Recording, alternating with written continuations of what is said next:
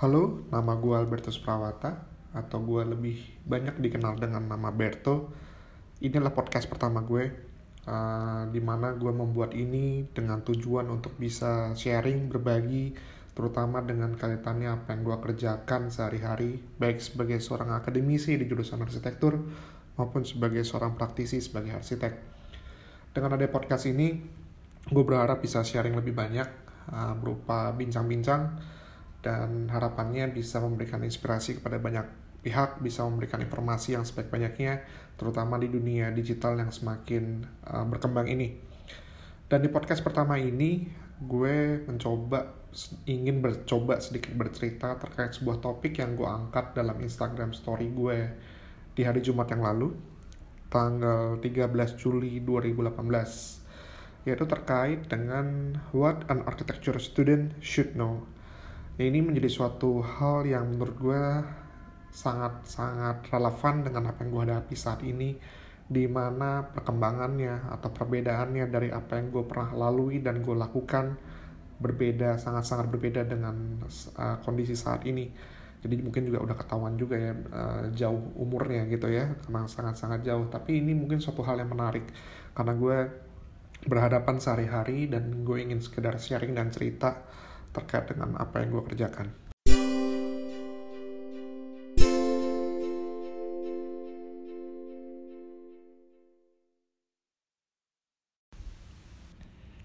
Ya, jadi dengan topik What an Architecture Student Should Know, itu gue banyak mendapatkan respon di Instastory kemarin. Uh, banyak yang menceritakan atau menjawab bahwa uh, mahasiswa jurusan arsitektur butuh tahu terkait dengan climate, butuh tahu terkait dengan material, butuh tahu terkait dengan bagaimana aplikasi-aplikasi bahan dan materialnya, butuh uh, tahu kopi yang enak untuk teman untuk ngerjain tugas. Ada yang bilang bahwa bisa apa namanya siap-siap dengan gejala tipes dan banyak-banyak hal-hal lainnya yang menurut gue sangat-sangat menarik ada juga yang menjadi suatu hal yang menjadi sebuah garis bawah gue, sebuah jawaban yang sebetulnya tidak gue sangka. Ada yang menjawab bahwa terkait uh, topik tadi, yaitu menjawab dengan bahwa jangan takut untuk gagal, bahwa mungkin nggak apa-apa gitu ya kita gagal-gagal di awal dulu gitu ya, tapi yakin bahwa dengan kegagalan itu bisa mencapai suatu hal yang lebih besar, menjadi suatu hal yang lebih baik.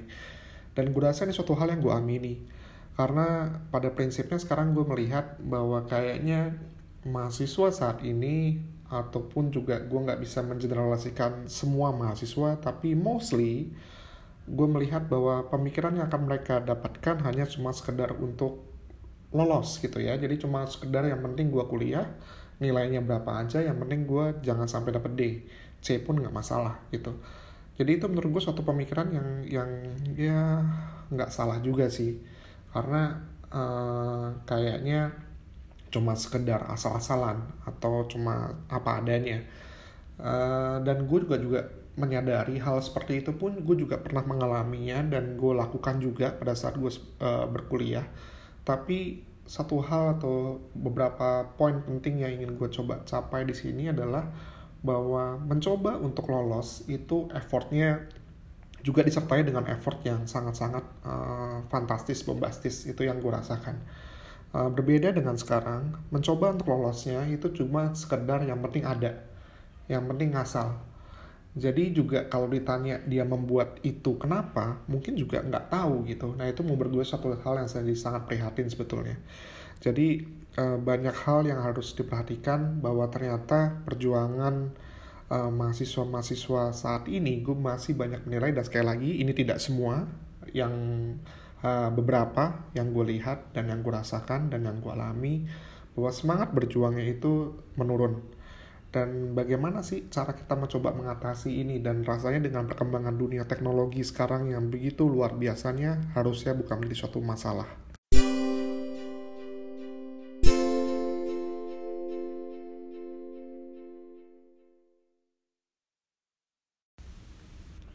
Oke, kita lanjutkan. Uh, dengan topik What an Architecture Student Should Know ini juga sebetulnya sebelum menjadi mahasiswa arsitektur, tentunya para mahasiswa arsitektur ini ataupun gue dulu uh, pada zamannya uh, mengambil jurusan arsitektur itu ya mau jadi arsitek. Itu udah udah menjadi suatu kepastian lah pengennya pasti jadi arsitek. Sama seperti kuliah di kedokteran ya pasti ingin jadi dokter bukan jadi kontraktor atau jadi manajer bank seperti itu. Nah uh, hal-hal ini pun juga menurut gue sudah menjadi pertimbangan ataupun sebagai catatan bagi calon-calon mahasiswa jurusan arsitektur bahwa masuk ke jurusan arsitektur tentunya mereka gue rasa pun belum tahu banyak hal gitu ya. Eh, beberapa universitas gue rasa ujiannya hanya matematika, bahasa Inggris, bahasa Indonesia, dan mungkin harusnya menggambar menjadi suatu hal yang kewajiban karena menurut gue yang uh, penting adalah pemahaman tiga dimensi itu menjadi menjadi kunci untuk uh, seorang mahasiswa arsitektur. Uh, gue bahkan tidak melihat buta warna menjadi suatu hal yang uh, halangan, uh, tapi untuk pengetahuan ilmu tiga dimensi atau sense 3D eh, ini, uh, sense terhadap ruang ini rasanya sangat-sangat perlu untuk sebagai di awal. Tapi sebagai waktu kita masuk ke jurusan arsitektur, gue rasa, dan kalau gue tanyakan sekarang ke mahasiswa gue yang dulu pada saat dia mau masuk, apakah sudah tahu dulu lu bakal belajar mengenai material? Apakah sudah tahu dulu akan belajar mengenai konstruksi? Apakah sudah tahu akan belajar mengenai fisika bangunan? Apakah sudah tahu akan belajar bagaimana uh, bahkan sampai mekanika teknik dulu zaman gue rasanya nggak akan tahu gitu ya. Mending gue masuk lu uh, lulus ujian saringan masuknya dan gue diterima. Dan gue rasa itu menjadi satu step yang baik. Nah berikutnya sebetulnya adalah pendidikan arsitektur ini uh, kalau kita bisa melihat dan lihat sejarahnya dan gue rasa ini yang sangat-sangat jarang diceritakan oleh uh, banyak pihak adalah terkait dengan sistem pendidikannya. Banyak mungkin orang tua yang tidak paham atau bahkan kita sendiri pun ataupun juga teman-teman mahasiswa pun juga tidak paham bahwa kita di pendidikan Indonesia arsitektur itu S1 lah 4 tahun padahal kalau kita melihat uh, pendidikan di luar negeri arsitektur itu pendidikannya mostly kebanyakan lima tahun bahkan UIA Union Institute of Architects itu dari satu apa namanya uh, perhimpunan arsitektur yang mengglobal atau yang menggawangi lah sedunia itu menyatakan bahwa pendidikan arsitektur itu lima tahun. Nah jadi sebenarnya itu yang yang miss yang tidak yang tidak didapatkan. Dan anda bisa bayangkan yang harusnya lima tahun menjadi empat tahun. Materi pembelajaran pun akan akan sangat banyak. Dan pasti juga butuh effort khusus bagi kita jadi ya itu dia gitu ya. Uh, perjuangannya ya nggak bisa sesantai. Jurusan lain mungkin ya gue gue nggak tahu ya jurusan lain seperti apa tapi gue juga mungkin tidak bisa menyamakan ini dengan jurusan lain karena gue tahu pasti setiap jurusan setiap pendidikan susah juga gitu pasti belajar. Yang namanya belajar gitu ya uh, pasti ya susah gitu karena kita nggak tahu gitu ya belajar gitu. Dia pasti susah. Nah di uh, pendidikan arsitektur coba bisa dibayangkan bahwa semua materi yang kalau melihat instastory gue kemarin bahwa seakan-akan semua materi itu harus dikuasai oleh si mahasiswa ini dengan kurun waktu yang sangat-sangat singkat. Dan memang ya kasihan gitu ya si mahasiswa ini. Dan gue sering sekali mengatakan kepada mahasiswa bahwa anda itu dilatih menjadi seorang superman yang tahu segala-galanya yang tahu terkait dengan hal-hal yang mungkin orang lain tidak perhatikan yang mungkin Anda harus perhatikan, yang mungkin Anda harus kompromikan, yang mungkin Anda harus rasakan, yang mungkin orang lain tidak perlu memikirkan hal tersebut, tapi Anda harus uh, paham. Sebagai contoh deh paling-paling mendasar, pada saat Anda membuat uh, titik ataupun gambar mechanical electrical, letak posisi air conditioner AC dalam kamar itu menurut gue akan menjadi suatu hal yang bisa membuat si penghuni rumah ataupun orang yang menggunakan ruang tersebut gitu ya akan hidup sejahtera apa dia akan mati muda. Sebagai contoh gitu ya kalau kita meletakkan AC di kamar yang langsung menghadap ke tempat tidur atau bahkan langsung mengenai kepala pada saat si penghuni ruangan tersebut tidur nah gue rasa lu sudah menjadi salah satu pembunuh gitu ya. Karena pasti gue rasa orang ini akan cepat masuk angin akan sakit-sakitan dan akhirnya mungkin akan mati muda gitu. Jadi hal seperti itu gitu. Orang lain mungkin nggak memikirkan tapi lu mahasiswa arsitektur harus mikirin itu. Itu simpel hal-hal sederhana yang gue coba sampaikan kepada mahasiswa gue. Dan begitu banyak sekali materi-materi lain yang gue rasa sangat-sangat luar biasa bebannya dan bobotnya. Dan inilah yang membawa gue ke tahap next selanjutnya yaitu sebagai profesi arsitek dan perlu kita ketahui sekarang Indonesia sedang ataupun sudah meluluskan atau sudah punya undang-undang arsitektur.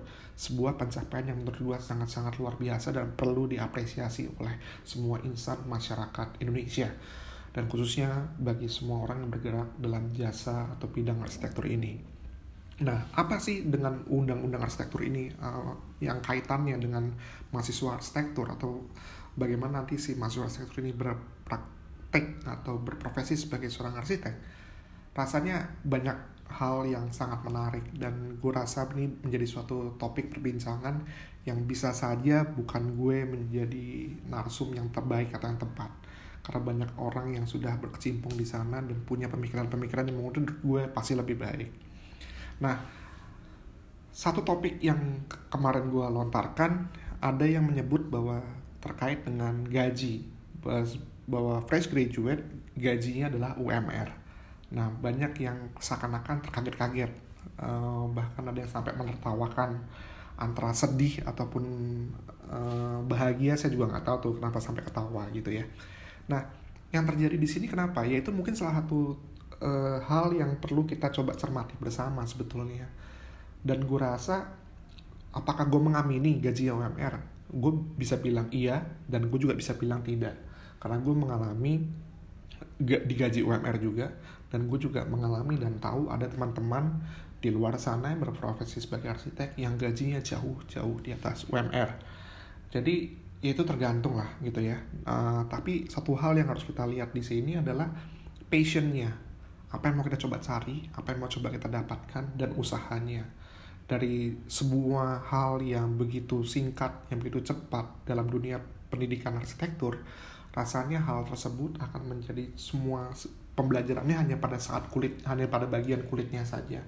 Sehingga pada saat menekuni profesi arsitek rasanya pembelajarannya akan jauh-jauh banyak akan didapatkan di sana.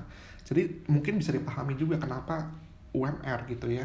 Nah itu topik ini kayaknya perlu menjadi suatu pembahasan lebih lanjut lagi deh nggak bisa disamakan dengan sekarang. Dan itulah yang terjadi dan gue coba mencoba menyampaikan di sini bahwa uh, ternyata ketakutan-ketakutan mahasiswa arsitektur pun juga banyak. Dan gue sangat-sangat memahami dan maklumi ini karena dengan adanya percepatan dunia media sosial informasi yang terjadi di sekarang dengan adanya masyarakat ekonomi ASEAN yang bebas bahwa eh, teman-teman uh, dari Asia bisa atau dari seluruh penjuru dunia bisa datang ke Indonesia dan bekerja di sini sayangannya pun akan semakin uh, tinggi dan itu sudah terjadi saat ini. Jadi emang kita ataupun anda sebagai mahasiswa arsitektur pun gue rasa harus punya nilai lebih. Harus bisa berani untuk bisa menjadi yang berbeda daripada yang lainnya.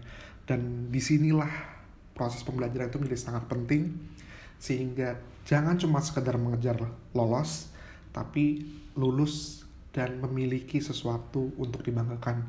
Jangan semua cuma sekedar apa adanya saja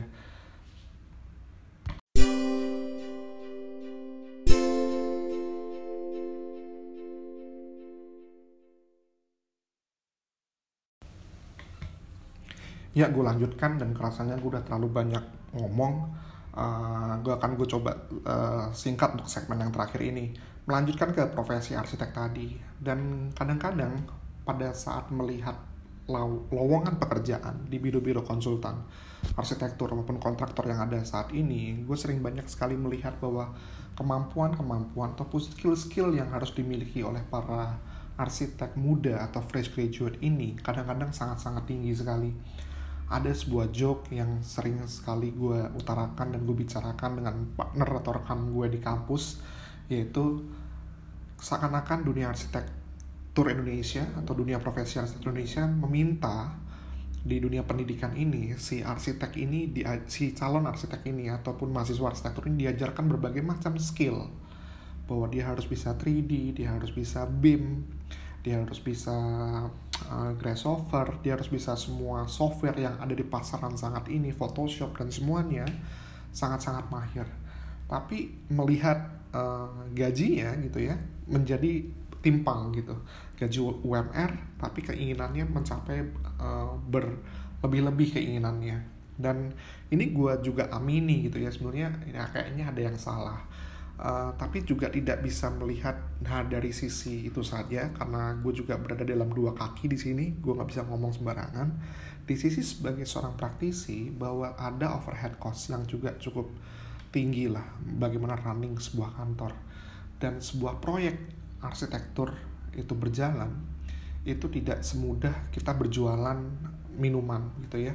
Yang langsung kita buat jadi dapat uangnya dunia arsitektur pembangunan rumah tinggal bisa sampai setahun dua tahun. Bahkan gue pernah mengalami pembangunan rumah yang bisa sampai 4-5 tahun. Jadi duitnya ke mana ya? Mungkin sudah sudah sudah sudah hilang gitu. Dan itu gue rasa terjadilah dalam dalam aspek biro-biro konsultan yang sedang running saat ini. Dan gue rasa banyak sekali teman-teman yang bisa cerita lebih mengenai hal ini. Dan posisi ini pun sebetulnya dengan ada undang-undang ars uh, undang-undang arsitek ini pun harus uh, menjadi lebih satu hal yang perlu ditekankan bahwa perlu ada peraturan top up ke bottom yang bisa mendet, uh, mendikte bahwa membangun rumah ataupun melakukan yang ada hubungannya dengan merenovasi, mendesain, merancang yang kaitannya dengan ilmu bangunan ataupun dengan uh, building design, construction atau yang terkait dengan kebutuhan rancangan untuk manusia perlu dilakukan uh, oleh seorang arsitek. Dan ada biaya-biaya yang jelas. Dan rasanya dengan ada yang begitu dengan peraturan dari pemerintah mungkin ya kita tinggal mengikuti saja gitu. Dan rasanya itu yang perlu uh, suatu PR ke depan yang mungkin bisa menjadi suatu hal yang bisa meningkatkan taraf kesejahteraan kita semua gitu ya uh, bagi yang kita berprofesi dalam dunia ini. Ya tapi itu mungkin topik yang bisa kita coba ulas di lain waktu dan kesempatan. Nah untuk menutup udah terlalu banyak ngomong dari topik what an architecture student should know ini sebetulnya ada bukunya.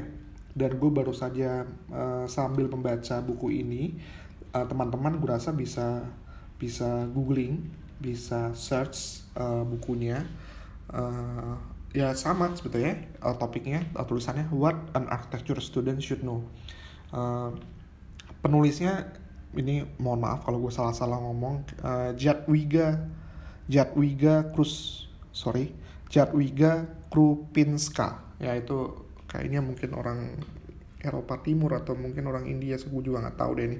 Uh, Routledge yang mengeluarkan yang mempublish bukunya silakan dicari semoga PDF-nya ada gue juga lagi dalam proses membaca ini dan silahkan dibaca dan kurasa uh, bagi teman-teman mahasiswa ini menjadi satu hal yang uh, bisa menjadi motivasi bisa menjadi acuan strategi dalam um, mengembangkan dirinya di dalam dunia pendidikan arsitektur.